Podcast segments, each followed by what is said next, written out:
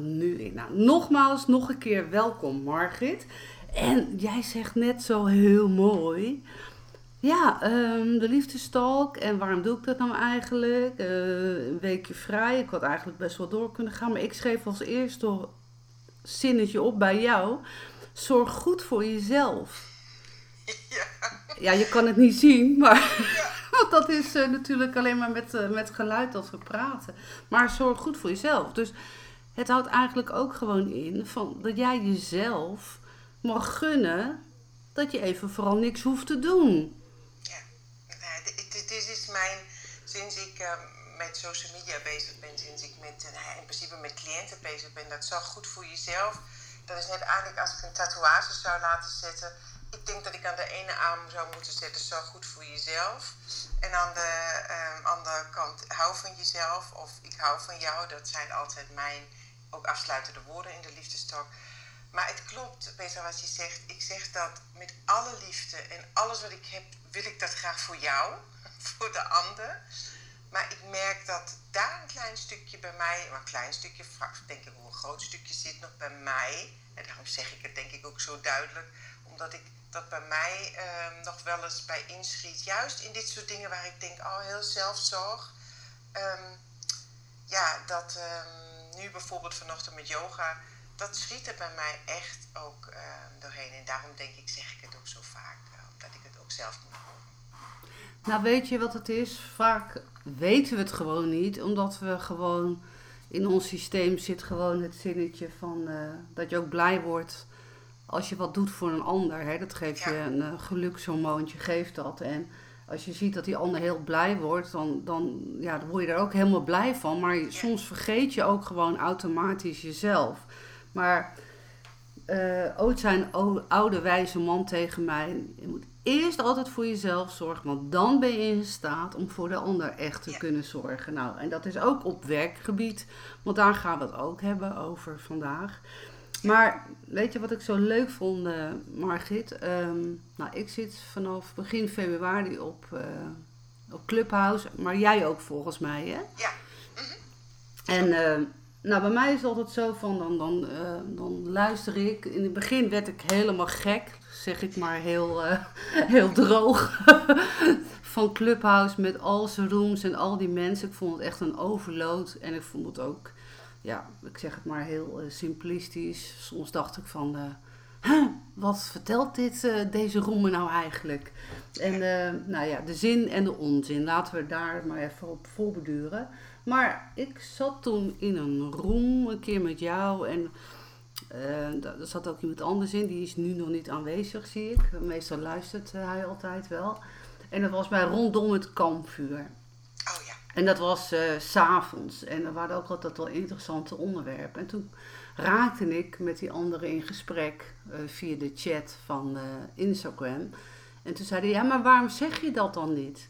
Waarom steek je dan je hand niet op? Het, dit mag ik toch ook vertellen? En toen ben ik jou eigenlijk steeds meer gaan volgen. Omdat, omdat ik vond de onderwerpen gewoon interessant. Maar ook het publiek wat met jou meeluistert. Is ook een publiek, hoe zeg je dat? Dat is niet doorsnee. Het klinkt misschien heel een beetje raar dat ik dat zeg. Maar het zijn ook mensen die net wat anders in het leven staan. Die niet alleen maar naar onzinverhalen willen luisteren. En dat klinkt misschien heel erg uh, arrogant dat ik dit zo zeg. Maar die ook gewoon ja, wat anders in het leven staan. Die, die ook willen leren. Uh, en niet oordelen. En kijk, laten we, nu zeg ik net wel van ja, er is zin in de onzin van... Uh, van sommige rooms, dus oordeel ik dan wel. Maar het heeft te maken meer met wat wat in voor me. Waar word ik nou blij van? Nou, en dat is bij jou van, ik word altijd heel erg blij van jou als ik jou hoor. Jouw liefdestalk is heel erg leuk. En ik zat even te scrollen en ik lees het even hardop voor. Mijn lijf is hier, dus hier ben ik. Ik houd mijn hoofd vast. Dat moet wel, Anders vlucht hij naar andere werkelijkheden, naar toekomst of verleden. Ik hou mijn hoofd vast en breng hem langzaam terug naar het hier en naar het nu. Alles is er al. Al wat nodig is of was. Niet bang zijn. Niks is wat het lijkt. Alles is zoals het is. Moet zijn. Hier van binnen is jouw thuis. Ik open mijn hart. Ik kruip langzaam naar binnen. Adem, zachte lach, zachte lucht. Ik hoef alleen maar hier te zijn. Nou, dat gedicht ken jij. Want die staat op jouw tijdlijn. En die is geschreven door iemand die ik ook heel goed ken. Niks is toevallig, Margit. Toen ik hem voorbij zag komen, moest ik zo hard lachen. Ik dacht van, oh, haar ken ik. Zij heeft ook zo'n mooi gedicht voor mij geschreven. En hoe resoneert als ik dat nou aan je voorlees? Ja, heel erg. Dat ik denk, hè, waar staat dit? Weet je, dat ik denk... dat je dat niet meer weet. Precies, weet je, dat ik denk, waanzinnig. Ja, dit is echt... Uh ja, dit resoneert met mij. Maar vooral um, als jij die dingen dan voorleest, dat het bij mij binnenkomt. Ik, ik, ik lees dat graag voor. Ik, ik heb, ben daar graag met jou bezig en met de ander bezig, met mijn luisteraars. Maar als ik het hoor, ja, dan ben ik natuurlijk ook dat kleine meisje wat uh, denkt: oh ja, luister. Ja, alles is er. Weet je, je hoeft niet. En, en dat is blijkbaar nu ook mijn thema. Alles wat ik doe, eh, te vertrouwen van alles is er al in mij, alles zit er al in mij. Want de zoektocht naar heel veel kennis en nog meer, um, nog meer weten. Dan dacht ik vroeger altijd, ja, dan, dan pas ben ik compleet, dan pas ben ik goed. En nu wil ik zo voor mezelf altijd nu, of hoor ik steeds, het is, het is, het is goed maken. Het is goed zoals je bent en dat wat je zegt is juist en dat wat je doet is juist. En niet continu die kritiek die ik altijd aan mezelf had. En dat geldt nu voor die um, weet dat ik vrij ben. Dat ik denk, nee, dat is goed. Die stem heb ik vorige week gehoord. En daar heb ik ook, daar volg ik naar. En rond het kampvuur, jij, jij zei het zo mooi, was een prachtige roem. Dat was mijn, eigenlijk wilde ik dat groot maken. Dat eerste wens was dat ik graag in de in een clubhuis met rond het kampvuur, dat wilde ik doen. Ik wilde een plek creëren waar mensen uh, echt op een virtueel kampvuur bij elkaar kwamen en gewoon deze gesprekken voerden. Dat was mijn wens. En op een of andere manier kwam ook nog even die liefdestalk. Dat ik dacht, oh, s morgens vroeg, dat is mijn tijd. Ik ben echt een ochtendmens. Dus dat wil ik. Nou, en toen heb ik, ben ik parallel beide begonnen. S'avonds rond het kampvuur, één keer in de week en s'morgens elke dag. En, uh, dat werd mij te veel. Na ongeveer, ik weet het niet, hebben we zes, zeven uh, rond het kampvuur avonden gehad. Maar merkte ik hoe leuk het was dat het mij te veel werd. En toen heb ik ook nou ja, met, uh, met de mensen met wie ik dat kampvuur heb opgezet, met Mark Ruben en Laurie, uh, heb ik dan gezegd van, uh, jongens, ik, ik, misschien één keer in de maand, ik, ik kan even op dit moment niet beide. Want ik heb gemerkt, ja, dat kost me dan ook nog, dat kostte me veel energie. Terwijl s morgens de liefdestalk, maar eigenlijk nou, veel minder energie kostte als s avonds. Heeft dat ook te maken met, want dat de onderwerpen die er waren bij dat kampvuur, waren best wel een soort impact onderwerpen. En dan doe je het s'avonds. En dat heeft er natuurlijk ook mee te maken van, uh, dat je dan ook niet daarna eigenlijk meteen je bed in kan duiken. Dat duurde altijd tot ongeveer, we hebben de room gehad tot tien uur. En dan werd het uiteindelijk altijd 11 uur met de aftertalk.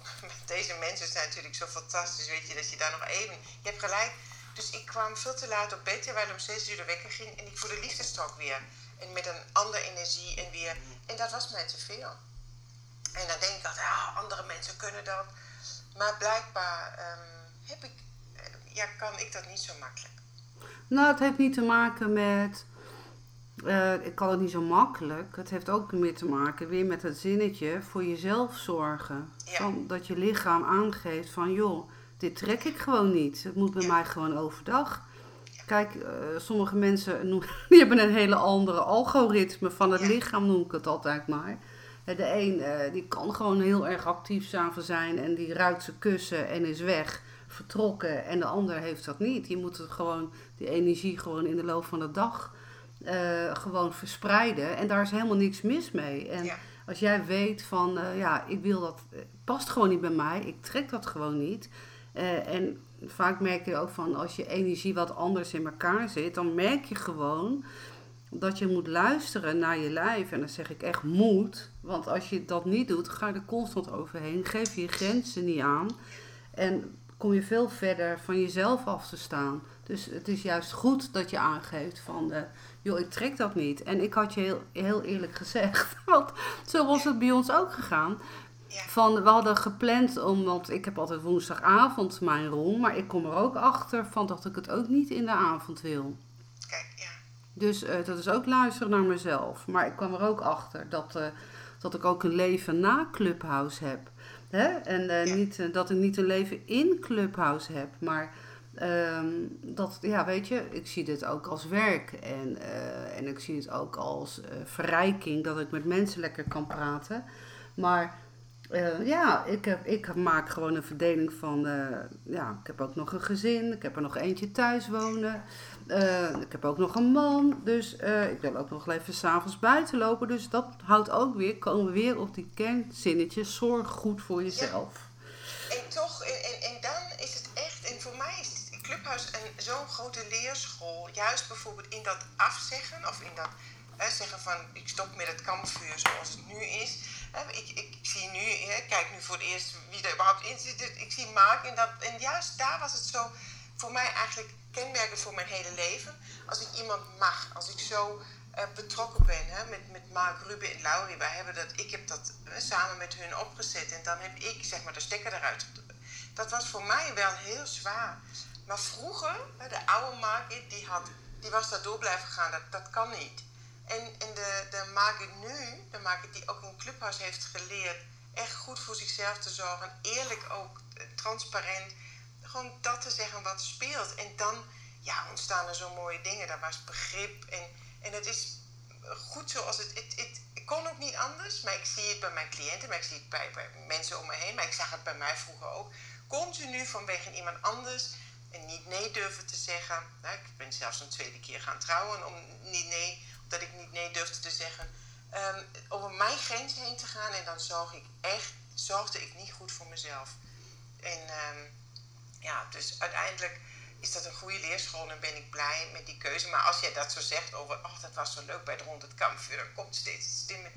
Ah, stom. Maar goed, ik heb nu inmiddels uh, bedacht dat wij um, zeker één keer in de maand rond het kampvuur um, in de liefdestalks morgens doen, zodat we daar ook uh, het podium bieden, ook s morgens om acht uur al helemaal de diepte in te gaan en, en diepzinnige gesprekken te kunnen voeren. Ja, maar weet je, uh, laten we heel eerlijk zijn, jouw uh, diepe gesprekken, die zijn er s ochtends ook al in de ja. liefdestalk. Dus ja. weet je, uh, je moet, ja, ik denk dat je gewoon bij jezelf na moet vragen van, wil ik het echt? Is het nodig? En daar word ik er blij van. Als je die ja. vragen voor jezelf beantwoordt, dan weet je echt wel het antwoord. Maar ik heb nog even een tip voor jou. Ja. Uh, dat mooie gedicht wat uh, voor jou heeft geschreven. Ja. Waarom zet je dat niet lekker op je website? Ja, hele goede tip, dankjewel. Want het mag er gewoon zijn. Ja. En dan in de, uh, volgens mij zitten er bekenden in de groep die volgens mij jouw website doet. Dus, uh, maar dan moet dat ook in de kleuren zijn die we jou horen, snap je? Ja. Maar dat komt wel goed. Dat komt wel goed, maar ik, goed, ik had zeker niet meer naar het gedicht gedaan. Ik dacht natuurlijk op mijn nieuwe website komt ook uh, mijn, uh, mijn verhaal over mijn handen. Dit, de, de blogbericht of wat het is wat nu op In Balans staat.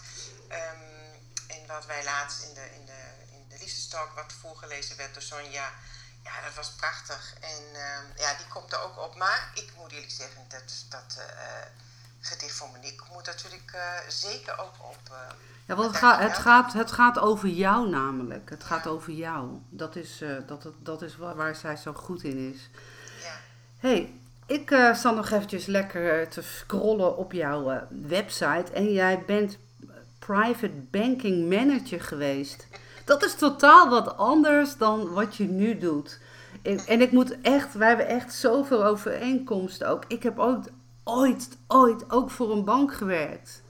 Serieus.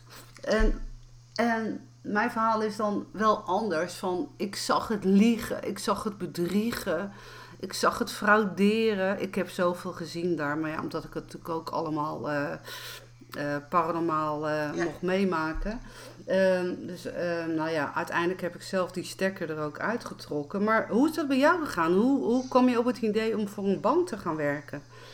Ja, dat klinkt heel, heel, heel raar dat ik dat zo zeg. Ik ben daar opgegroeid. Ik ben in een bank opgegroeid. Mijn vader was filiaalleider bij een bank en wij woonden boven die filiaal. Uh, boven het filiaal in, uh, in Stuttgart, 5,5 miljoen stad. En mijn vader was de filiaalleider, had daar acht vrouwen onder zich. En, en wij woonden boven. En dus ik, ik, leefde in die bank. Mijn moeder maakte namelijk die bank schoon. Ja, ik ben 1970 geboren. Dus weet je, dat was nog in de tijd. Mijn, mijn, mijn moeder was huisvrouw. Maar ze maakte elke avond, als de viaal dicht was, eh, maakte zij die vialen schoon. En ik was erbij. Ja, ik, ik, ik, ik leefde toen nog de asbakken, weet je. Toen in die tijd mocht nog gerookt worden. Ik heb mijn eerste schrijfoefeningen waren op zo'n uh, overschrijvingsformulier. Ja, ik heb echt, ik ben opgegroeid in de bank. Maar na mijn gymnasium, ik heb gymnasium gedaan, wilde ik niet bij de bank. Want oh nee, echt niet. Maar goed, ik wilde rechten studeren. Nou, toen zei mijn vader, nou dat uh, vindt hij maar niks. Want uh, eeuwige studenten, want hij had heel veel, we in de kenniskring heel veel studenten die eeuwig studeerden, blijkbaar. Maar in ieder geval, eeuwige studenten, dat was maar niks. Ik moest maar gaan trouwen. Uh, met 24 of zo had hij voorspeld en twee kinderen krijgen. Dus daar was het eindelijk weggegooid geld om daar te gaan studeren. Want hij kende mij. En dat was altijd zo, ik ken jou, dat is niks voor jou. Nou, en eerst drukkel ik altijd tegen. Dat is echt de story of my life. Eerst drukkel ik een beetje tegen. En dan zeg ik tegen mijn ouders: Oh ja, jullie hebben wel gelijk. En, uh, en toen is Margit heel braaf niet gaan studeren. Terwijl alle leraren bij mij zeiden: Je moet studeren. En je moet. Uh, ik wilde eigenlijk misschien één, één leraar zei ook nog: je, je moet echt voor de klas gaan staan. Jij moet. Uh, daar opleiding, gewoon ook in het gymnasium lesgeven. Maar goed, in ieder geval, ik ging niet studeren, ik ging bij de bank werken. Daar ging ik studeren en kreeg, meteen um, een plekje om daar te kunnen leren en, uh, en daar te kunnen werken. Dus ik ben daar gewoon spaarkassen, vachwet, uh, alle opleidingen die ik daar kon doen gemaakt. En ben met 23, dat was met 20, met 23 uh, dacht ik, ik vind die grote stad echt niks. Zoveel mensen. Ik, ik, vond, ik moest ook weg van mijn ouders. Ik ben enigskind. Dat was ook een reden. En ik ben naar Beieren verhuisd in een dorp met 6000 inwoners, maar wel 25.000 toeristen elk jaar. Um, en die, dus er was zo'n zo'n mooi skidorpje eigenlijk. En uh, ja, daar ben ik gaan wonen en daar bij de bank werken. En dat was een iets kleinschaligere bank waar ik ook heel snel carrière kon maken. En zo ben ik, uh, was ik heel snel werd ik ingezet voor vermogende klanten. En dat, wat daar zo mooi was, ik was ook voor 200 klanten verantwoordelijk. Kende hun rekeningnummer, kende hun familie, kende alles. Dus ik kon ook echt met hun werken. Weet je, dat was zo mooi. En het grote verschil, nadat ik dan bij de Duitse bank, toen ik naar Nederland ging verhuizen in 99, kon ik over de grens, uh, hier vlakbij, nog in Duitsland werken bij de Duitse bank. En toen, en Petra, daar klopt het wat wij twee volgens mij gemeen hebben, zag ik dat dit echt niks was. Dit was alleen maar bedriegen. Want op vrijdagavond moest ik mijn Nederlandse klanten, want doordat ik inmiddels een beetje Nederlands kon, was ik bezig voor die mensen die een beetje zwart geld in Duitsland hadden. Toen kon dat nog, 99. Die moest ik bellen en daar moest ik dan allemaal grote aandelentransacties uh, gewoon aanbieden. Om gewoon geld te verdienen. En dat was echt, en toen was ik eindelijk gelukkig, werd ik zwanger. En een jaar later um, kon ik daar stoppen bij de bank. Dus uh, voor, ik zag dat al. Ik, dit, ik, vond, ik voelde me echt niet meer op mijn gemak bij de bank. Dus vandaar dat ik ook in 2006, nadat de kinderen um, op mijn tweede dochter drie was, kon ik weer terug bij de bank. Um, zelfde functie. Veel geld had ik kunnen verdienen. Maar toen dacht ik, nee, dit is echt niet leven. Inmiddels had ik de massageopleidingen gedaan. Had ik al uh, cliënten die bij mij kwamen. Ja, toen dacht ik, dit wil ik niet meer kwijt wil niet meer dat, in dat wereldje. Dus ik ben zo blij dat ik daaruit ben gestapt. Um, maar goed, zo zag ik, ik was met 18 jaar de jongste gemeenteraadslid in Stuttgart in de politiek. Ook daar ben ik uh, door mijn verhuizing naar Beieren uitgestapt. En ook daar zag ik toen al. Het gaat niet om het fietspad. Het ging niet om uh, de, de, mensen die daar zaten, in, in, die, die daar woonden. Het ging echt puur om macht. Wat, uh, wat voor partij ben jij? Wat voor partij ben jij? En um, met wie ben je vriendjes? En daar ben ik ook blij dat ik uit de politiek ben gestapt. Want ik zou eigenlijk um, al die mensen rond Angela Merkel, die ook nu bij ons minister-president zijn, dat waren allemaal mijn toenmalige maatjes ehm, die bij mij in de partij zaten. En, en ik, ik was toen voor meer bedacht, maar ik heb gelukkig daar ook de stekker uitgetrokken. Als ik jou zou horen, dan is het ook echt van het leventje van het hele rationele gedeelte heb jij daar uh, beleefd. Ja. ja. ja. En, uh, dus dat is ook dat wat mijn ouders hebben. Mijn ouders in, in, qua gevoel um, en, uh, is dat gewoon iets minder. Zijn heel liefdevol, is wat, ze, wat hun kunnen. Maar uh, ja, alles uh, doen. En mijn moeder die, die is nog steeds... Ja, als jij bij de politiek was gebleven, dan had je nu... Weet je wel, als zij dan sommige van die koppen ziet, dan zegt ze... Daar had jij ook kunnen zitten. En daar, dat ik al 30 jaar roep... Dit is niet mijn weg. Ja, dat wordt dan niet... Uh, wil je, wil, je daar, wil je daar dan mee zeggen van uh, dat ze niet helemaal achter jouw keuze staan die nee, je nu nooit. hebt gemaakt? Nee, dus nee. zij zijn niet, zeg maar, ze zeg, maken geen complimenten over van dat jij de heerlijkste handjes van Veendam hebt. Nee. Nee? Dat, maar, dat, dat compliment maken ze niet. Zij weten Ja. niet wat jij kan met je ortomoleculaire eh, kennis. De- de- dat boeit ze niet. Dat klinkt heel bot. Nou, dat, nou dat, dat, mijn ouders zijn echt de supplementenslikker, dus wat dat betreft. Maar ze zijn zo eigenwijs dat ik iets zeg en dan zegt mijn vader: Ik heb iets anders gevonden op internet, ik bestel dit. Zo even kort gezegd, ik zoek het uit. En dan eh, zegt papa: Ja, maar daar is één en één gratis bewijzen van. Ik, ik heb dat uitgezocht en ik bestel dit. Dus het is. Ja, en als ik zeg in, in een huilbui van jullie, wa- waarom hoor ik van jullie nooit hè, dat jullie trots zijn of zo? Dat ik ook echt vraag en hunker om die bevestiging. Ja, maar dat weet je toch? Of zo. Dat wij dat goed vinden. Of, maar, maar het is nooit uit zichzelf. En dit is, ehm, waarschijnlijk praten ze daar in Duitsland heel anders over mij, maar met mij? Nee, met, bij mij, ik hoor dat niet. Maar goed, weet je, nu ze zijn 80 en 83. Ja, ik moet daar ook mee. Zo is het. het, het- ja. Ja, dat is vaak ook een. eh, hoe zeg je dat? Ehm, het is wel heel toevallig dat jij dit zo zegt. Ik had ook een gesprek met iemand dit weekend en ehm, haar opa is zeg maar overleden en eh, ook op jo- jonge leeftijd. En, eh, en er is gigantisch veel trammeland geweest in de familie en die opa die heeft eh, zeg maar de euthanasieregeling gedaan. En nou kregen ze allemaal te horen dat niemand welkom is, ehm, ja, zeg maar, eh, op de begrafenis. Ja. Nou, dat is natuurlijk zeer pijnlijk, zeer pijnlijk. En, maar ze hebben wel allemaal afscheid genomen van die persoon. En, maar na de rand kwamen ze pas achter dat niemand welkom is op, op, op, die begrafenis. En toen zei ik alleen maar de, de woorden van toen jullie binnenkwamen, eh, toen had hij de tranen in jullie ogen. Hè? Van, eh, dat, hij moest huilen, hij moest huilen. En als je dat blik nog voor je hebt, dan weet je dat het goed is. Dus het is goed. Maar het is een hard gelach. eh, dat je nooit in je, in je dagelijkse leven te horen hebt gekregen dat je het goed doet. Dat je er mag zijn. Dat je met, maar het vervelende daarvan is, zeg maar ook met de herleiding naar jouw ouders.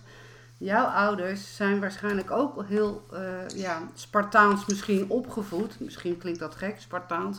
Maar die hebben misschien zijn, hebben ook ouders gehad die ook nooit echt complimenten gaven. Dus ze weten niet beter. En Precies, en, en dat is dit waar ik natuurlijk achter. En dat, dat voelt voor mij sinds ik dat bes- besefte. En ook in, de, eh, in mijn ayahuasca-reis in, in april, die voor mij heel bijzonder was, omdat ik terugging naar mijn vader. Mijn vader heeft zijn, vader verloren in de oorlog. Hij was drie jaar.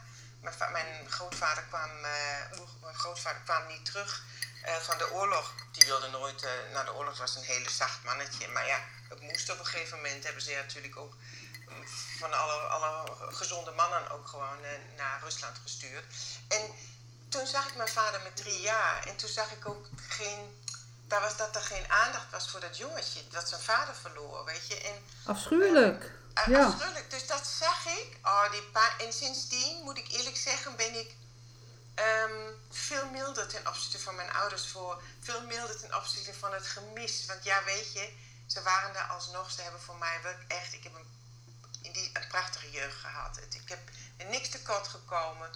Misschien een beetje, nou, liefde. Liefde. Vandaar, vandaar je liefdestalk. Ja. Ik denk ook vandaar mijn liefdestalk. Ik denk vooral daar ook mijn missie om iedereen, mijn kinderen, mijn partner, maar die mensen, ik heb het heel vaak voor vrouwen om mij heen, natuurlijk ook mannen, die ik gewoon zeg van uh, die liefde is er en, en, ik wil graag die omarming. Ik wil graag die moeder, want mijn moeder kan niet omarmen.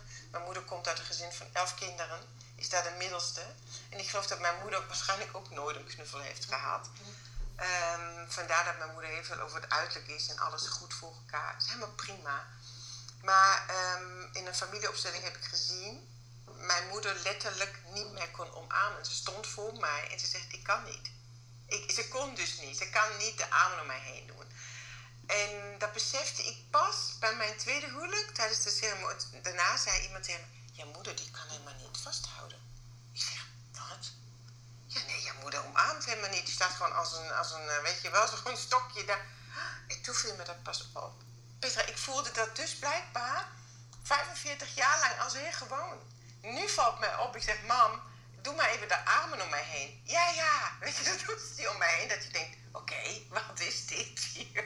Ze kan het niet. Nee, haar is het, ja, haar is het ook niet geleerd. En net wat je zegt, vaak een liefdes, liefdesloos gezin. En, en haar zag ik ook in die ayahuasca, al in, in dat gezin. En toen zag ik ineens mijn oma, die, waar alles ging over het overleven. Elf kinderen door de oorlog brengen. Ja, daar, daar is er geen tijd voor knuffel. Nee. Um, denk ik. En, en, in ieder geval, als het niet in jou zit, want waarschijnlijk staat dat ook niet in mijn oma.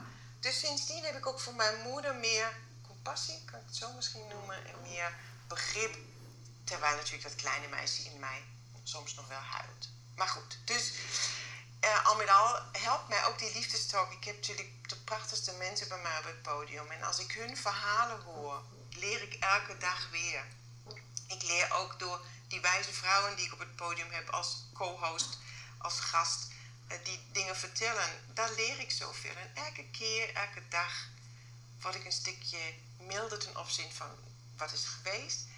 En leef ik veel meer in het hier en nu. En nu is hier alles perfect. Het is hier alles goed. Mijn ouders zijn zelfs gezond. Ik heb gezonde kinderen. Ik heb een fantastisch leven. Dus daar kijk ik steeds meer naar.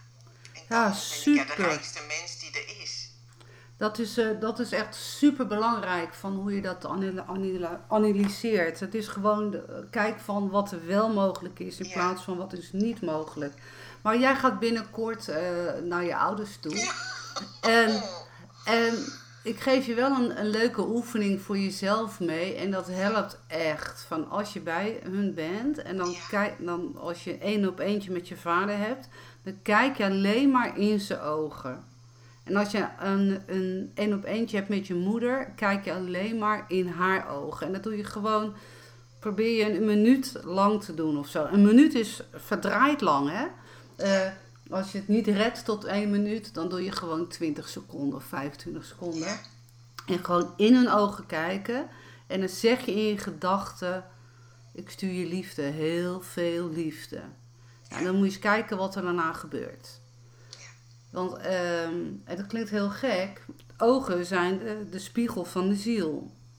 Dus vaak, um, dat heb ik ook wel eens meegemaakt met, met, met sommige mensen bij mij in mijn praktijk, die, nou laat ik het woord maar zeggen, die hebben echt een afschuwelijke jeugd gehad. En uh, ja, bijvoorbeeld met een vader die vreselijk mishandelde. En uh, nou ja, Kijk, vergeven is altijd een heel apart woord. Maar misschien dat je het om kan draaien. vind dat je begrijpt waarom mensen iets doen. Nou, en je kan een soort oefening doen je, waar je van ziel tot ziel naar elkaar komt. Waardoor er een soort begrip komt. Kijk, acceptatie, dat hoeft helemaal niet. En vergeving hoeft ook helemaal niet. Maar als je al een beetje mededogen hebt, het begrijpt waarom mensen iets doen, dan heb je al gigantisch veel bereikt. En dan wordt het voor jezelf allemaal wat luchtiger. En dan kan je voor jezelf er een draai mee vinden. Weer met, dan zorg je goed voor jezelf. Want jij hebt het aangekaart. Jij hebt het opgelost. En ik, ik weet zeker dat deze oefening uh, jou gewoon uh, rustiger maakt. Dus ga dat maar lekker uitproberen. doe ik.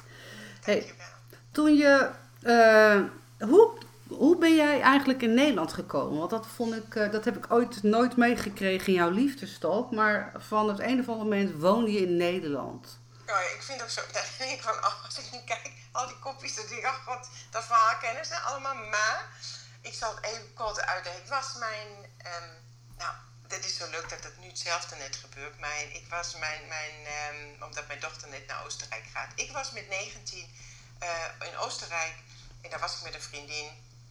En ik woonde natuurlijk nog in Stuttgart. En vanuit daar ging ik naar Oostenrijk. Maar daar heb ik een Nederlandse man, jongen leren kennen, die voor mij voetbalde. En ik was fan van Marco van Basten. Ja, ja. Oh ja, ja. 1980 werd ik echt verliefd op Marco van Basten. En ik vond dat hij op Marco van Basten leek. toen, zei, zei ik, die lijkt op Marco van Basten. Nou, mijn vriendin had helemaal geen idee van voetbal, maar goed. Maar in ieder geval, die zes Nederlandse jongens zaten s'avonds met ons natuurlijk voor het tent. En we, we hebben elkaar, nou ja, Jos en ik, dat was gewoon gelijk een klik. En um, ja, eigenlijk was het één avond die we samen hadden. En um, in die nacht hebben wij nog besloten, want die jongens zouden ook weer naar Nederland vertrekken. Met een beetje een, tocht richting Innsbruck en dan, dan weer omhoog uh, naar, naar Nederland. Toen zei ik, want wij hadden een, in Beieren een vakantiewoning ook in het skigebied waar ik ooit dan woonde, in Oberstdorf, bij Oberstdorf. Nou, in ieder geval zei ik, wij hebben ook een uh, schans, uh, een, een skischans. Innsbruck heeft een skischans in Oberstdorf. Ik zeg, daar kunnen jullie ook heen. Nou, zo gezegd, zo gedaan. De volgende dag zijn ze dus daar naartoe gereisd. Ik met mijn vriendin ook gelijk de tent afgebroken. Naar een vakantieappartement. En zes wereldvreemde jongens sliepen de nacht erop in ons appartement. in de bergen uh, sliepen er bij mij. Maar dat was zo'n vertrouwen, dat was zo mooi. En vanaf dat moment waren Jos en ik een stelletje. Twee jaar lang reisde ik steeds in vakanties naar, naar Groningen. En hij reisde in vakantiedagen, maar hij werkte toen al, uh, hetzelfde bedrijf waar hij nu ook al werkt, wat nog werkt, werk, uh, reisde hij naar Stuttgart. En dat, uh, dat was het. En na twee jaar heb ik het uh, wel uitgemaakt. Jos was een fantastische, lieve, lieve man. Maar daar zat niet meer Piet bij. Echt waar. Ik liep eigenlijk over hem heen. En, en, en ik bepaalde alles. En, en ja, dus het, het zat me een beetje te weinig ja, Piet in. Um, ja, in zeven jaar waren we wel nog vrienden. We belden altijd met de verjaardagen en met kerst en zo. En na zeven jaar dat ik single was, dat heb ik laatst ook gedeeld in de liefdestok. Zeven jaar na Jos heb ik in die zeven jaar geen relatie gehad. Natuurlijk een one-night stand. Natuurlijk even heel iets kort. Maar echt geen relatie. Um, en dat vond ik verschrikkelijk, want om mij heen ging iedereen trouwen en geen kinderen krijgen. En na vijf keer getuige te zijn geweest, was ik er echt klaar mee. En toen belde ik met Jos en toen zei ik, wat doe je met de vakantie? Hij zegt, nou niks. en uh, toen zei ik, nou, als je niks hebt, dan kan je ook naar Beieren komen. Bij mij kun je mountainbiken of weet ik veel wat. Nou, zo gezegd, zo gedaan. En 24 uur later kwam hij. En, dan, uh, en toen was hij er. En toen dacht ik, ach, dat voelt net als naar huis komen. En drie kwart jaar later uh, heb ik al gesolliciteerd hier over de grens. En een jaar later woonde ik uh, in Nederland. In Veendam, of all places. Heerlijk, heerlijk. dus ik ben daar ook heel kop. Jos wist helemaal niks. Ik zeg, ik heb gesolliciteerd. Oh, goed. Ja, nou dan moeten we een huis zoeken. Zoiets, weet je. Dus het, het was niet een initiatief dat Jos zei... kom toch bij, naar mij naar, naar Veendam, of naar Nederland. Maar uh, dat heb ik gedaan. Want ik dacht, ja, weet je, ik ga het toch nu uitproberen. En... Uh, ja, dus ik vond, uh, ik was daar echt vrij spontaan. En nu achteraf denk ik, het had ook zo moeten zijn. Ik, ben echt, ik voel me echt thuis in Nederland. Na mijn eerste scheiding dacht ik, pff, ik ga snel naar Duitsland. Want ja, wat heb ik hier? Ik heb geen Nederlands paspoort, ik hoor hier niet. En uh, daarna heb ik gemerkt dat ik je toch wel hoor.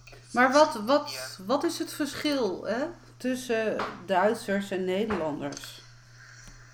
In die tijd, na mijn eerste scheiding in 2011, toen dacht ik, ja, dat is zo'n groot verschil tussen een beetje gezelligheid en gemoedelijk. En, en Jos is hier een beetje zoberder, een beetje, de familie is hier ook een beetje afstandelijk.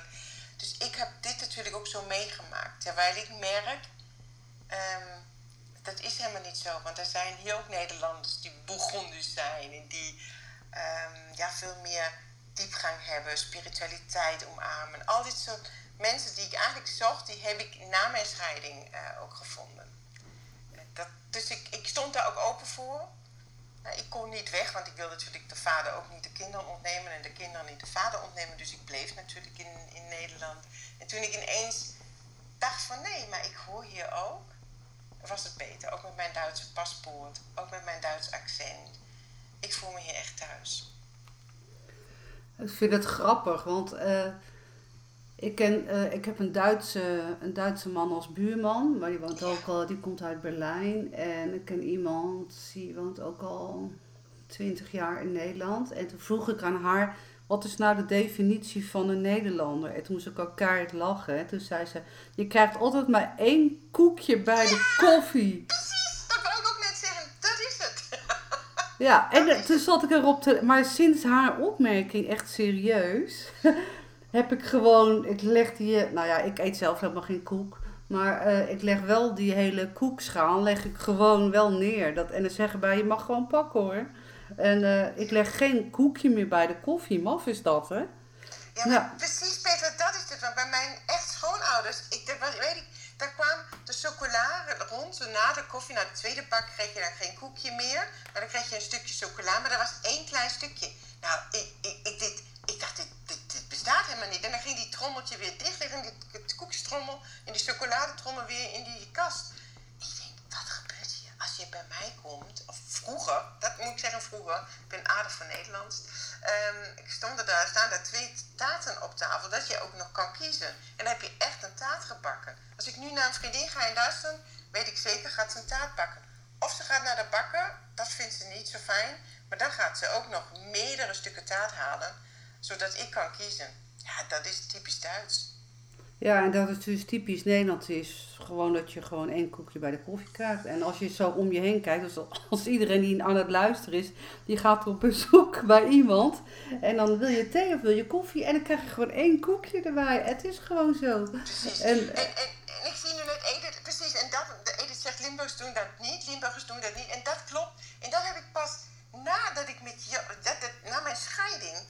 is, stond ik blijkbaar open om andere mensen te ontdekken. En ineens kreeg ik ook hier in het noorden mensen waar dat anders was. Die ook bij mij op visite kwamen, die ook een cake hadden gebakken. Dat ik dacht, oh, dit heb ik nog nooit meegemaakt. En zo ontstond dit. En uh, dat ik ook hier in Nederland, en dat merk ik nu ook in de liefdestalk, wij zijn volgens mij allemaal mensen die een beetje dezelfde frequentie hebben. En ik geloof ook dat, uh, ja, ik geloof dat dat ook meer um, ja, van de gastvrijheid, meer dat dat ook van deze tijd nu is, geloof ik. Ja, we staan er anders in. We zijn niet meer van uh, degene uh, waarvan we dachten die we waren, toch? Ja, precies. hey, ik had uh, nog een vraag voor jou. Van, ja. um, waar word jij blij van? Hm.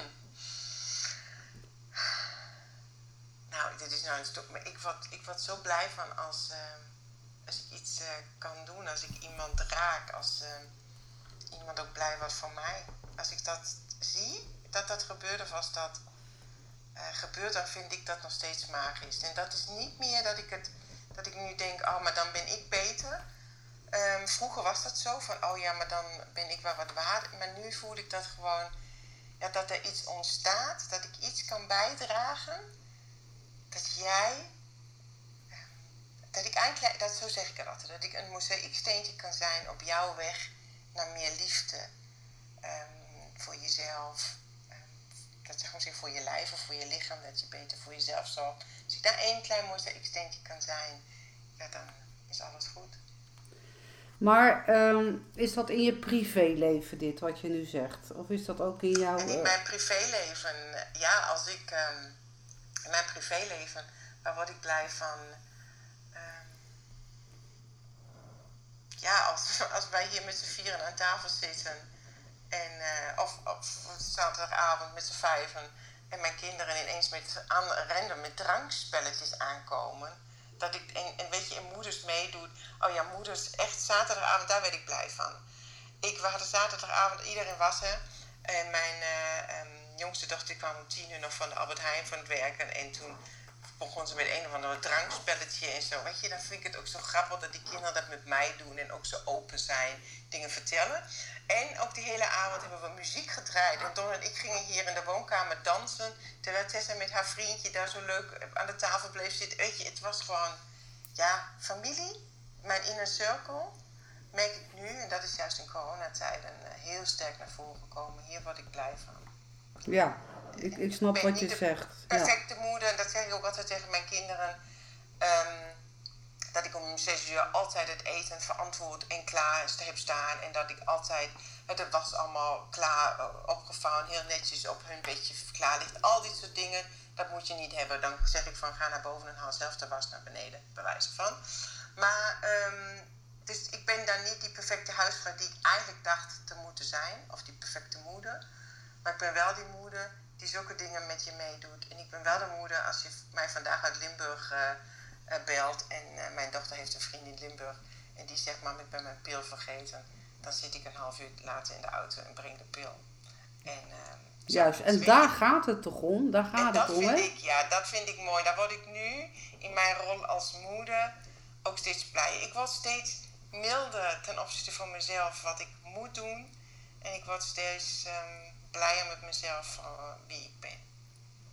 Heeft het dan ook met te maken met, van dan komen we weer terug bij je ouders, van wat je ouders dan niet bij jou hebben gedaan, dat, dat uh, doe je expres wel bij jouw kinderen. Klopt dat? 100%. Ja. Maar voel je dat dan als een overtuiging? Of voel je dat meer van, nee weet je, ik doe dat gewoon?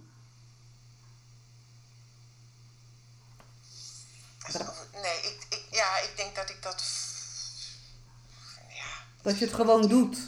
Ik, ik, voor mij is dat helemaal geen, geen vraag. Ja, het was nog wel de vraag altijd dat ik me veroordeelde dat ik die dingen die mijn moeder wel perfect doet. mijn moeder is een perfecte huisvrouw, perfecte kokkin en perfect in. Ze kan naaien. Ja, weet je, als bij mij um, iets stuk is bij mijn kinderen, um, ja, dan gaan we of wachten totdat we naar oma gaan. Of we moeten een nieuw broek kopen. Maar ik, ik doe geen rits. Uh, ik ga geen nieuw rits in het broek zetten. Of ik ga hier naar een naaiatelier. Weet je, dus da, maar dan moest ik mij ook elke keer... Ja, ik ben geen goede moeder. En, maar dat, die overtuiging heb ik losgelaten. Maar nu komt intrinsiek, ja, zo ben ik. Ik wil mijn kinderen zo opvoeden. En, ja, maar dat je ook een luisterend oor hebt, toch? Dat is mijn... Dat, dat wil ik zijn. Ik denk dat, dat dat iets is wat ik heel graag wil zijn. Heb ik dat altijd? Nee, want ik ben heel gauw afgeleid, ook door mijn telefoon. Ik ben heel gauw afgeleid door uh, cliënten die bijvoorbeeld, dan sta ik daar eerder te woord, terwijl mijn, mijn dochter iets hier mij vertelt. Dan denk ik, oh, maar zij heeft dit, oh, dan moet ik even terug appen. Terwijl het soms kan zijn dat mijn dochter zegt, mam, je luistert niet. En dat gebeurt wel. Dus beter wat dat betreft zeg ik altijd tegen mijn kinderen, begin alvast een spaarpotje voor de psycholoog. Want ik, hoefde, ik moest heel veel sessies hebben bij de psycholoog vanwege mijn ouders. Ik denk dat jij dat ook moet hebben. Dus, uh, weet je. ja. Ja, grappig. Ik ben, ik ben daarin zeker niet, niet uh, perfect. En, en als ik nu zeg, oh, ik ben er altijd voor mijn kinderen. Ja, dat zullen ze zeker ook voor beamen. Maar ik luister ook soms niet. Ik ben altijd bezig met mijn bedrijf. En ook dat wordt nu beter. Dat was ik, maar daar ben ik ook aan het werk mee. Echt bewust ook de telefoon uitlaten. Echt bewust ook een keer zeggen: nee, maar je bent hier en nu. En dit is nu belangrijker. En social media komt later wel weer. Nou, dat, dat, dat is wel een dingetje. Dat is zeker wel een dingetje. Maar het, het mooie daarvan is van. Uh, kijk, we hebben het altijd van: het moet allemaal perfect. Het moet allemaal perfect. Maar laten we nou eens gewoon leren van skip de het perfecte gedoe. Imperfectie is veel mooier. Dat je gewoon uh, toegeeft van, oh ja, verdikke me, ik moet ook luisteren. Oh, wat stom. Uh, nou, weet je wat, ik ga die klant helemaal even nu niet antwoorden. Die wacht maar even. Daar is niks mis mee. Daar geef je ook je grenzen mee aan. En uh, zolang wij maar steeds kaderen van grenzen aangeven, grenzen aangeven, komen we weer terug bij het zinnetje, zorg goed voor jezelf. Ja. Daar komt alles weer bij terug. Hey, um, ik heb nog een vraag uh, voor jou. Van, um, nou, van voetreflextherapeuten naar ortomoleculaire voedingsleer. Maar hoe ga jij jezelf nou eigenlijk noemen? Nou, help mij maar daar. Ja, want dat had ik al opgeschreven van met een vraagteken. Vertel mij wie ik ben. En gisteren, nou, ik, um, Aram zit hier niet, maar de, de meesten in de room ook Aram. En hij schreef mij gisteravond, appten we nog. Um, hij zegt: Ik zal je missen in de liefdestalk en uh, morgenochtend. En maar geniet van jouw week. En toen hebben we nog even geappt en toen zei hij: Nou ja, je liefdeskoningin. En toen vond ik het, toen ben ik daarmee in slaap gevallen. Nou, echt Peter, hoe mooi is dat? Toen ben ik in slaap gevallen met die woorden liefdeskoningin in, uh, in mijn hoofd. En weet je, liefdescoach. Ik, weet je, ik kan automoleculair coach, leefstijlcoach, shiatsu-therapeut. Ik vind het allemaal... Ik zoek nog een, een... Nou, eigenlijk zoek ik wel nog naar een titel, maar aan de andere kant denk ik, ja, wat doe ik? Ik wil graag zo dat je goed voor jezelf zorgt. En of je dat nu doet om eerst aan jouw positieve mindset te werken, om echt een keer positieve woorden te, tegen jezelf te praten, dat je gewoon je bewust bent van jou, van de kracht van je gedachten. Of dat het is dat je de hele dag suiker eet en je slecht voelt, moe bent, depressief bent. Dan zeg ik, hmm, dan moeten we ook een beetje in die voeding kijken. Want hè, de, daarom het tweede brein. Als je continu slecht eet, dan heb je dat gelukstofje serotonine niet in je hoofd. Ja, dan spring je liever van de brug dan dat je dat koekje laat staan. Al dit soort dingen, dat, wil ik, dat is misschien bij de een. Is dat de ingang? Dat ik zeg, oh, en denk je aan vitamine D? Cruciaal voor jouw um, stemming, bewijzen van. Ja, of is het gewoon dat je beter communiceert in de relatie? Dat je ook over jouw seksualiteit. Ik zeg altijd, ja, seksualiteit is ook zo'n dingetje. Maak tijd vrij om ook of jezelf te beminnen, of je partner te beminnen. En dat kan ook de cruciale factor zijn waardoor dan andere dingen weer stromen. Waardoor je misschien beter zorgt voor jezelf bij het eten. Of dat je positiever denkt. Want ja, als je toch heerlijk seks hebt gehad met jouw partner. Ja, dan uh, heb je bewijzen van geen ruzie meer over wie de vaatwasser uitruimt. En dan heb je misschien daarna ook geen zin in een zakje chips. Dan heb je misschien eerder daarna zin in, uh, in een gezond drankje. Weet je, zulke dingen. Nou, weet je, uh, jij, jij, ka jij, kaart nu iets aan. ja. Ik had laatst had ik een, een online, ja, hoe noem je dat? normaal zou ik live naar, naar een training gaan, maar in de psychologieopleiding heb je af en toe nog wel eens dat je weer een update kan krijgen. En het ging over seksualiteit. En uh, ik schrok me echt, echt rot. Volgens de statistieken, serieus, 60% heeft gewoon geen seks meer. Ja. 60! Ja. En uh, ik dacht bij mezelf, oh, dit is echt heel erg. Maar toen naar de rand werd er ook uitgelegd van... Uh, dat het ook een beladen uh, onderwerp is. Het lijkt wel of mensen steeds uh, preutser worden, ja. ook jongeren. Ja. het is schrikbarend. En, we worden vrijer in die zin van wat we allemaal op social media zien. Hè? Daar zien we heel veel plaatjes en bloot. Maar het wordt in die zin veel preutser. Het wordt ook um, die, intimiteit, die echte intimiteit. Ja, daar daar wordt geen aandacht aan besteed. En, en dan denk ik ook, uh, Peter, dat het te maken heeft met... Zoveel mensen hebben een burn-out. Ik denk als je die cijfers vergelijkt met burn-out, met uh, overspannen, chronisch ziek, als iemand diabetesmedicijnen heeft, als iemand, als mannen bijvoorbeeld bloeddrukverlagers hebben, dan is het libido weg. En waar gemiddeld heeft nu al, of nou, dan weet ik niet 100% of het nou al 2030 voorspeld is, maar gemiddeld is iemand al met 40 chronisch ziek. Volgens mij is het nu nog 50 en in het, de voorspelling is dat we bijna met gemiddeld 40 jaar zijn dat we chronisch ziek zijn. Die medicatie heeft echt invloed op ons libido. En bij mannen zul je dat meteen merken, die erectie blijft dan uit. En bij vrouwen, die zetten bewijzen van ook rond die overgang, als je dan niet gestimuleerd wordt door jezelf, door je gedachten, door een gezonde leefstijl, gaat ook jouw libido uh, weg. Te veel suiker is een libido-killer. En onze leefstijl is echt een, een, een seksualiteit-killer. En daarom geloof ik ook dat we veel minder seks hebben. Um, en en we, we, we, zetten het niet, maken het geen prioriteit, we stoppen het weg. Ah, dat hoeft ook niet. Ach, wat een gedoe. En ja, of, is... uh, of uh, ah, of morgen. Of uh, nee, ja. nu even niet. Of gewoon allemaal van die. Nou ja. Maar Petra, zo gaat het mij ook. Ja. Als, die, als, als, als ik dit ook niet met don prioriteit maak, dat wij wij dat belangrijk vinden, gaat ook bij ons, ehm, ja, dan gaan onze dagen ook voorbij. En, en, en, maar wij, wij zijn ons daarvan bewust. En, en wij, wij leven natuurlijk ook zo'n zo'n relatie, dat we daar ook gewoon weten van dat doet ons zo goed. Maar we moeten ook goed voor ons eten zorgen. Want dat heb ik ook in de liefdestalk verteld. Als Don en ik s'avonds pizza hebben gegeten. En daarna nog een uh, Ben Cherry. Omdat ze net in de aanbieding waren. En wij de diepvries vol hebben met het Ben Cherry ijs. Ja, dan hebben wij daarna echt geen, ook geen behoefte meer. Dan zeggen we ook, ah lieverd, doen we morgen. Ja, Weet je? nu even niet. Ja, ja, maar dus, dus ja, eigenlijk dus- gaat het weer terug naar de basis. Ja. Weer het zinnetje. Dat allemaal zijn, Petra. Ik wil dat wat ik nu verteld heb. En, en daar denk ik soms, het is te veel, too much. Want iedere business coach zegt, je moet je ergens specialiseren. Maar ik denk, het is, het, dit is één plaatje. En wat bij jou belangrijk is, dat wil ik graag achter zien te komen. En ik vind zo mooi, Jantien schrijft mij, liefdescoach. Ja, en liefdescoach vind ik ook een prachtige naam. En aan de andere kant denk ik, ja, ik ben geen, ik ben geen coach, want ik heb nooit een coachingopleiding uh, gedaan. Weet je, dat vind ik ook altijd weer zo een, een overtuiging voor mij. Ja, maar weet je, dat, maar dat is een overtuiging voor jou. Kijk, uh, dat klinkt een beetje raar. Maar uh, wat is uh, de definitie van een coach? Er hebben een heleboel, heel veel mensen hebben de officiële opleidingen gedaan.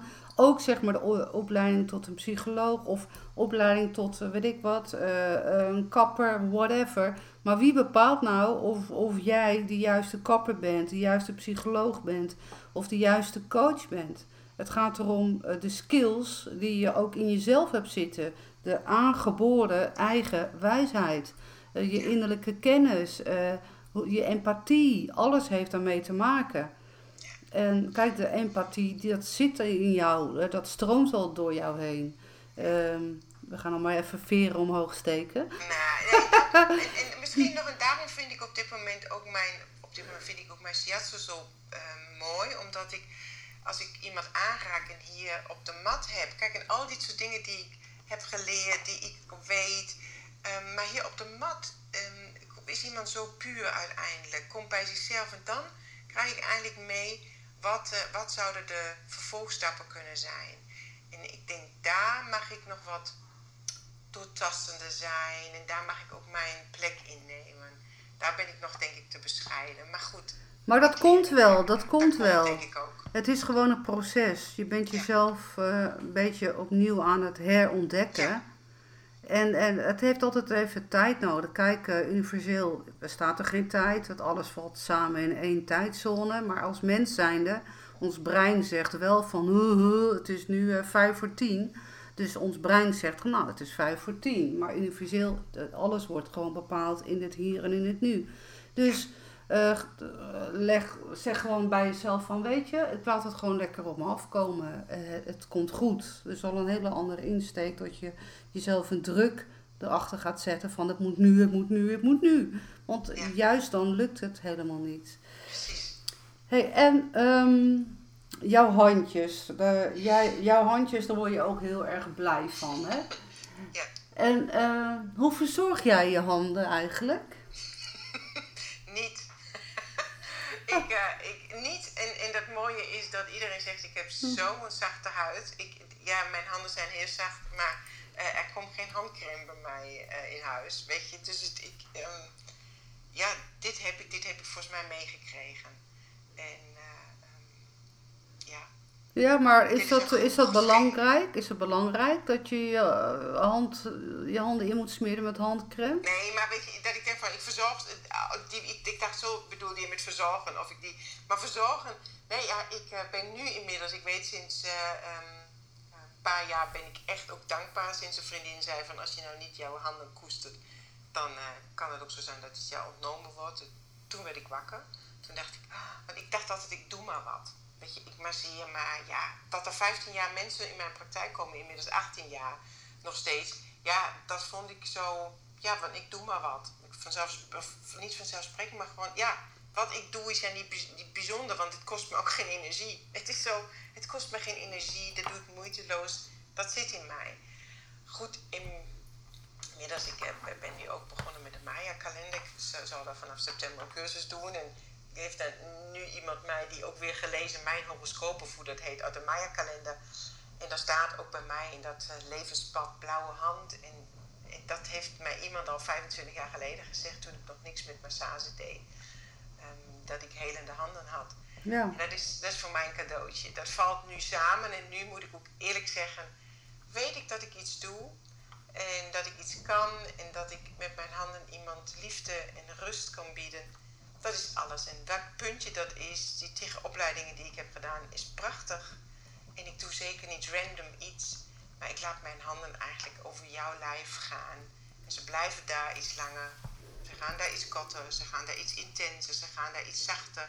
Ehm, op dat plekje waar ik voel uh, waar het nodig is. En ik moet eerlijk zeggen, sinds ik nu ook, um, nou ja, sinds ook ayahuasca, ook vorig jaar sinds Socobliss, is het heel vaak dat ik mijn in, in eigenlijk haast uitgetuned ben. Nou, eigenlijk zelf ook helemaal niet meekrijg wat ik doe. Soms denk ik, oh, daar ben ik al heel lang, weet je, bij de knieën. En dan zegt de klant daarna, oh, ik heb zo last van mijn knieën gehad en dat deed zo goed. Weet je, dat ik denk, oh, oh ja, weet je, dus dat doe ik als ik me daar weer bewust ben. Maar soms ben ik net in trance en dat wordt steeds meer en dat wordt steeds intenser. En ja, ook ik geniet van deze weg die ik nu daar aan het bewandelen ben. Met andere woorden, de energie stroomt gewoon door jou heen, door je handen heen. Je bent een soort doorgeefluik om met je handen wat te doen voor de mensheid. Zo voelt dat, eh, Petra, maar dat durfde ik natuurlijk nooit aan te nemen. Jij mag, als ik tegen jou zeg, ja, maar jij bent spiritueel en jij hebt een lijntje met boven, dan dacht ik, ja, maar dat is Petra. Of uh, uh, ik weet dat van Simone, dat weet ik bijvoorbeeld, die dat ook heeft, maar ik niet. En zo langzaam denk ik, daarom zeg ik, noem ik jullie ook dan sisters vaak, dan denk ik van, ja, oké, ik, ik, heb, ik heb daar ook iets te doen. Ik krijg een vraag van Edith. Wat vind jij als medium van ayahuasca? Dit is een heel gevoelig onderwerp, Edith. En daar heb ik toevallig een keer met Mark daarover zitten praten. Ehm, ik heb namelijk een paar klanten gehad die volledig de weg ehm, ja, van de weg, van het padje af waren gegaan door ayahuasca. Dus hoe ik het als medium zie, uh, weet je, ik vind persoonlijk iedereen mag doen waar hij of zij zich uh, goed bij voelt. Ik zit niet in de stoel van, uh, van, van een advocaat van dat mag wel of dat mag niet. Maar ik heb gezien bij mensen, ik heb ook in de psychologie met mijn, al mijn opleidingen, ik heb gezien wat aura-lagen doen met, met drugs, met met, uh, met heroïne, uh, met, uh, hoe heet dat spul, ketamine. Ik heb het allemaal gezien. Ik heb aura's gezien van mensen die zwaar verslaafd waren van drank, van drugs. en dus ook van ayahuasca. En ja, als mens zijnde en als medium zijnde, ja, daar was ik best wel van geschrokken. Maar nogmaals, als, als hoe zeg je dat? Het is jouw pad. Eh, eh, als jij dat wil uitproberen als ziel zijn, heb jij gekozen om die ceremonie mee te willen maken. Dus wie ben ik om daar een toevoeging van te geven? Dat moet je niet doen. Weet je wel? Dus ik ben daar wel heel eerlijk in. Maar omdat ik zelf heb gezien als mens zijnde wat allemaal drugs en alcohol en nou ja, pilletjes dit wat dat helemaal doet met je auralagen. Ik heb dat zelf als mens nooit gedaan. Waar zie jij dan, uh, Peter, dus, zie jij dan um, ayahuasca als drugs? Want het is in principe plantmedicijn. En wat ik gelezen, geleerd heb, is dat de trilling juist omhoog gaat. Dus dat je ja, je trilling gaat. Het is, kijk, het zijn allemaal planten, maar het wil niet zeggen dat alle planten uh, lieftallige plantjes zijn. Het is in de oude oertijd was er ook een plant. Er werd er gewoon van bekend, als je dit inneemt, dan krijg je een miskraam. Dus vroeg in, de, in, die, in die oude tijden werd dat gewoon genomen. En ze kregen gewoon een miskraam. Uh, dus ja, weet je, maar nogmaals, hoe zeg je dat? Ik vind dat echt wel een gevoelig onderwerp, omdat ik het gewoon anders heb gezien. Mhm. En ehm, ik moest die mensen echt helemaal weer terugkrijgen in het nu. Waren ook niet meer geaard. Uh, maar dat, weet je, dit zijn niet echt uh, mijn klant in het nu, want nu, ik ben eigenlijk een ondernemerscoach. En ik krijg natuurlijk ook nog wel steeds mensen die niet lekker in een vel zitten. Maar vroeger had, had ik dit ook best wel veel als, mijn, als in mijn cliëntengroep, zeg maar. Maar wat ik daarmee wil zeggen is, van als je deze ceremonies doet, uh, doe het dan uh, met met iemand die daar echt verstand van zaken heeft. En desnoods zeg ik dan er ook nog maar dat er ook nog iemand is die echt, echt alles weet van planten. Dus dat moet wel een specialist zijn. En, en dat zou mijn advies zijn. En, uh, maar nogmaals, je hoeft het niet te doen. Want ik kan met sommige klanten kan ik echt heel, heel ver gaan in, in mijn coaching, zeg maar. En, en dan ga ik terug naar regressie, ga ik terug naar incarnaties. En naar hele lange tijden van vroeger, vroeger of andere, andere dimensies. Dat kan. Uh, dus je hoeft het niet te doen met zo'n ceremonie. Maar nogmaals, het hangt ervan wat je zelf wil. Als jij het gewoon wil, daar is helemaal niks aan de hand mee. Als moeder ayahuasca je roept, zeg ik altijd, dan, uh, dan is het jouw weg. En als je daar nog steeds en, en denkt van hm, hoeft niet, of hm, twijfel ik, ja, dan is het denk ik nog niet de tijd. Nee, maar nogmaals van, uh, ja, weet je, uh, ik heb gewoon gezien, ja, ik heb gewoon gezien dat die aura, aura lagen, dat dat gatenkaas werd. Nou, ik ben, daar heb ik gewoon een nacht niet van geslapen, dat geef ik heel eerlijk toe. Dat ik denk van, Jezus Mina, als iedereen dit ziet, uh, dan, dan, dan doen ze dat nooit meer. En, uh, maar ja, wie ben ik? ervoor in de nagezien, Peter? Want, want zou het niet kunnen dat die mensen ervoor, dat, ervoor ook wel een, een, een gatenkaas erin hadden, doordat ze misschien ervoor al drugs gebruikten en dat ze daar die kant op gingen? Nou, dat is een goede vraag, want dat weet ik niet. Want ik, weet al, ik heb ze alleen maar gehad daarna. Ja, dat weet je, en ik denk gewoon, en, en dat wat ik van, van de ayahuasca heb meegekregen, is natuurlijk mensen die een drugsverleden hebben, die Ehm, daar is het heftig. Daar, daar gaan ook mensen door bewijzen van een heftige reis, omdat natuurlijk heel veel zit is. En zoals ik het dan van die shamaan die dat met mij en met ons deed, um, ja, die heeft al, weet ik, is zo'n 78 jaar en al weet ik veel hoeveel jaren een shamaan. En die dat elke paar weken doet. Maar um, wat ik daarmee wil zeggen is gewoon, die, die, die beschrijft het zo van drugsverleden, alcohol. Ja, dat, dat, ja, dat, dat dat beschadigt eigenlijk eerder jouw aura en dat beschadigt jou in de trilling. Maar juist ayahuasca, en daarom is het zo dat je ervoor een dieet hebt, dat je andere dingen eet, dat je geen vlees eet. En ook daarna, dat is iets wat eigenlijk jouw trillingsniveau, jouw aura eigenlijk moet um, ja, weer, weer helen, helen en weer uh, op een hogere trillingniveau krijgen. Maar ik geloof wel dat dat niet iedereen kan. En juist als dat psychisch iets mis is, nou, dan wordt het altijd uh, ontraden. Dus je moet bij mij, daar waar ik het gedaan heb, echt ook een grote intakelijst hebben. Heb je een drugsverleden? Heb je een, een psychisch uh, verleden? Ik denk dat dat ook nog een, een, een grote rol speelt. Nou ja, uh, hoe zeg je dat? Ehm, nou ja, omdat ik. Kijk, ik zit er gewoon heel anders in. Want ik weet gewoon dat het ook op een andere manier ja. kan. Als jij ik krijg wel eens, kreeg eens een keer een vraag, Peter, kan ik bij jou ook zweven? En dan, moet ik, en dan zeg ik altijd, nou ja, je kan niet bij mij een, lucht, een uh, uh, krijgen. Dat moet je bij een andere, uh, bij ander bedrijf zijn. Maar ja, weet je, wat is zweven? ik leer mensen juist geaard te zijn en dat je vanuit die geaardheid juist, um, um, hoe noem je dat? Uh, even kijken, want iemand zit me net even te appen weer. Van, van dat je juist vanuit die geaardheid van alles voor elkaar kan krijgen. Ja. En dan sta je echt met je voetjes op de grond en, en dan kom je ook heel ver. Tuurlijk. Dus, Ach, maar er is zoveel, Peter. Dat zie ik nu ook. Ik ben blij dat ik het heb meegemaakt. Maar voor mij er was nu ook weer zo'n vrouw een weekend. En dus van, ik, ik, voor mij hoeft het nu, nog, nu weer niet. Of niet, nog niet. Wanneer het weer is, of in vijf jaar, tien jaar uh, volgend jaar, ik weet het niet. Of nooit weer. En, um, maar ik vind het heel erg mooi wat wij nu ook allemaal zo meekrijgen. Wat jij doet, wat andere mensen doen. Hypnosetherapie, regressietherapie, familieopstelling. Noem maar op. Het is zoveel moois. Maar wat ik graag zou willen is overal een beetje dat je denkt... Um, klikt, wat resoneert met jou en waar word je naartoe getrokken. En doe dat dan. En probeer dat dan. En dan kom je zo, ga je die reis verder. Lijkt me is het gewoon ontzettend mooi. Nou ja, weet je, en ook als mens zijnde, van, uh, weet je, je bent nooit uitgeleerd. Nee, precies. En, uh, en juist dat van je bent nooit uitgeleerd is gewoon een heel belangrijk iets. Van, uh, ik, mijn vader zegt altijd dat ik een bezig bijtje ben.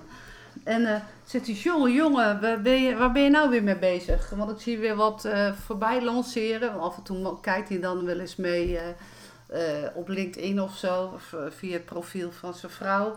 En wat ben je nou allemaal weer aan het doen? En wat zijn nou weer podcasten? En 85 is die.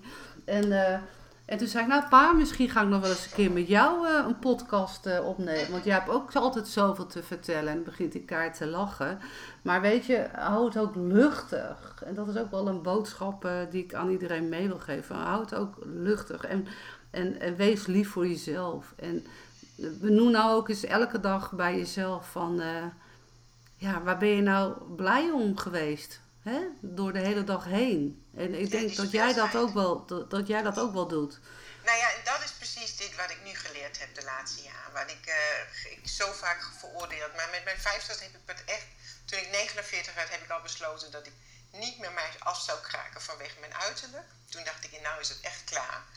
Want uh, um, ik mag er blij zijn zoals ik eruit zie. Want ja, heb je iets, heb je, krijg je een ziekte, brandwonden, weet ik veel wat. Ja, dan zou je blij zijn als je nu zo zijn, zo zijn als nu. En wie heeft dat niet, dat je foto's ziet van vroeger, dat je je zo vet en zo dik voelt en zo lelijk, dat je nu denkt, oh, wat was het dan nog mooi. En dus ik denk, nee, ik heb nog 49 jaar te leven minstens.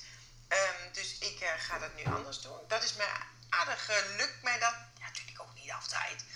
Um, maar um, in grote lijnen lukt mij dat. En sinds dit jaar, sinds ik mijn spirituele pad omarm. Of nou, eh, eh, nee, op ontdekkingsreis ben op mijn spirituele pad, laat ik het zo zeggen. Uh, merk je steeds dat ik veel meer, dat wat jij nu zegt, liefdevoller naar mezelf kijk. Kijk wat er, wat er is en ik speel. Ik hou niet meer krampachtig vast. Vorig jaar was ik nog krampachtig. Mijn hormoonqueen, die ik, mijn automoleculaire voedingsleer, moest ik gewoon toch, eindelijk moest ik toch consulten aanbieden en trajecten. En ik heb alles gedaan wat business coaches mij vertelden. En, uh, en dat was het niet. Dat resoneerde echt niet met mij. En nu dit jaar laat ik het alleen maar open. En, en speel en kijk wat er is. Het enige wat ik gewoon doe is elke dag proberen zo liefdevol mogelijk met mezelf om te gaan. Nou, dat zeg je echt heel mooi. Want ik had, ik had al nog een vraagje in mijn hoofd van wat wil jij in de toekomst? Ik wil heel graag de inspirator, de mentor zijn voor heel veel vrouwen. En wat ik graag zou willen, dat ik door, maar, door wie ik ben en wat ik zeg, dat ik uh, de vrouw die dat hoort uh, een glimlach tover op haar gezicht. Zodat zij ook anders weer naar zichzelf kijkt en andere keuzes kan maken in haar leven. Dat, en ik wil graag veel meer inspireren. Ik, ja, en ik, ik, voel dat daar nog veel meer mogelijk is. En daar houdt mij nog steeds, hield mijn hele lange stemmetje altijd tegen. Maar step by step, gisteren heb ik ook een beetje wat opgelost. Was ik live verbonden met een vrouw uit Calcutta uh, in, in, in een Zoom-sessie. Die zo mooi zong en vertelde over: Het zit allemaal in jou. Het zit allemaal in jou. Jij, vrouw, jij mag er zijn. Jij mag blij zijn met wie je bent met al jouw seksualiteit, sensualiteit, met jouw vrouw zijn. En je hebt dat mannelijke en vrouwelijke in je. Je hebt geen man nodig om um, compleet te zijn. Je bent al compleet. En vanuit daar, vanuit die liefde voor jezelf, dat adoreren van jezelf, dat aannemen van jezelf, zal je de partner ook aantrekken die bij jou past. Zal je de mensen aantrekken die bij jou passen en waar het resoneert. Ja, en, en ik denk, Petra, dit is uitgedrukt wat, wat, waar ik nu echt mee bezig ben. En ik zal deze week ook nog, juist dat ik heb gisteren die sessie gehad. Ik heb nu dit gesprek met jou. Ik heb vanochtend yoga gedaan. Dit is mijn liefdesweek voor, liefdesweek voor mezelf. En na deze liefdesweek kom ik maandagochtend er weer in de liefdestalk. En dat wat ik uh, denk en voel, ga ik steeds meer delen en delen. En ik wil me niet meer terug laten houden stemmetje die zegt, nou, wie zit nou op jou te wachten? Nee, daar zitten mensen op mij te wachten en dat voel ik. En dat ga ik doen, Petra. En, uh, en hoe? Um, ja, ik wil graag ja, gewoon delen, geven, vooral geven. Veel geven. Ja, en, ge en als je veel geeft, ontvang je het ook dubbel terug. Met pakken op dit moment. En dan kijk ik weer even naar Moos Pose en daar staat ja. alles is er al. En dan hoor ik alleen, Margit mag het nog even fine-tunen in het hoe. Ja. Nou weet je, en alles op zijn tijd, menselijke tijd, dat komt wel. En uh, nogmaals, geef jezelf daar de rust en de ruimte voor. Want juist door eventjes een time-out te nemen van ik doe nu even niks, kom je gewoon in een andere setting, waardoor de ideeën weer stromen. Dus. Ja, dat is ook goed zo voor mezelf, want veel mensen vroegen uh, nu, ga je ook met vakantie? Ja, mijn klanten die allemaal op vakantie gaan. Ik zeg nee, ik ga alleen maar een weekje naar mijn ouders. En ik moet eerlijk zeggen, jullie hebben me een beetje gevolgd nu met mijn ouders. Ze wonen 70 vierkant, drie hoog, 70 vierkante meter. En dan zijn we daar met vijf personen. Met twee dochters, ik en mijn ouders. Dit is geen vakantie, want het is echt met mijn ouders in één ruimte zo lang hard, werken. Echt hard werken aan mezelf, aan liefde. Ik zal ook jouw tips meenemen. Maar goed, dit is geen vakantie van, oh, ik kom dan helemaal opgeladen terug. En dus heb ik, volgende week staan, staat mijn week vol met uh, klantenafspraken. Dus in deze week toevallig niet, echt toevallig. Het, het, het, was gewoon alles vrij. Dat ik dacht, weet je, dit is mijn vakantieweek. Want ik heb, oh ja, tegen die klanten allemaal gezegd, ja, ik hoef geen vakantie. Want ik heb, ben al zes maanden dicht geweest met mijn praktijk. Ja, jij hebt, moet vakantie hebben, want jij hebt doorgewerkt. Ik heb in coronatijden gewoon echt stilgestaan. Maar ja, was dat vakantie? Nou, um, nu is echt een week uh, waar ik mezelf een beetje self-care. Ik wil wandelen. Ik wil dingen opnemen voor mezelf. Podcasts maken. Yoga doen. Deze week gezond eten. Ik um, laat het brood deze week staan. Ik laat de suiker deze week staan. En uh, geen vlees, dat heb ik me deze week voorgenomen. Gewoon een beetje kleine detox. Maar wel de koffie heb ik wel, die laat ik niet staan.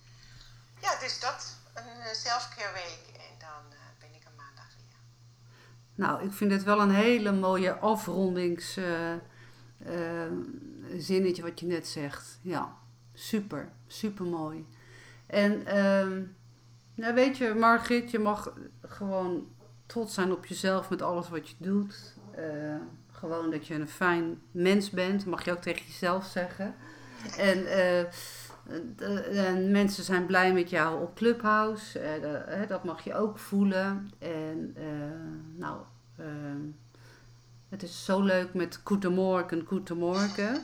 Maar nou zingen we Goedemorgen, zonneschijn, eigenlijk ook voor jou, omdat jij ook het zonnetje bent van, uh, van deze dag. En uh, daarmee uh, sluit ik het af vandaag met deze talk met Margit Zeska.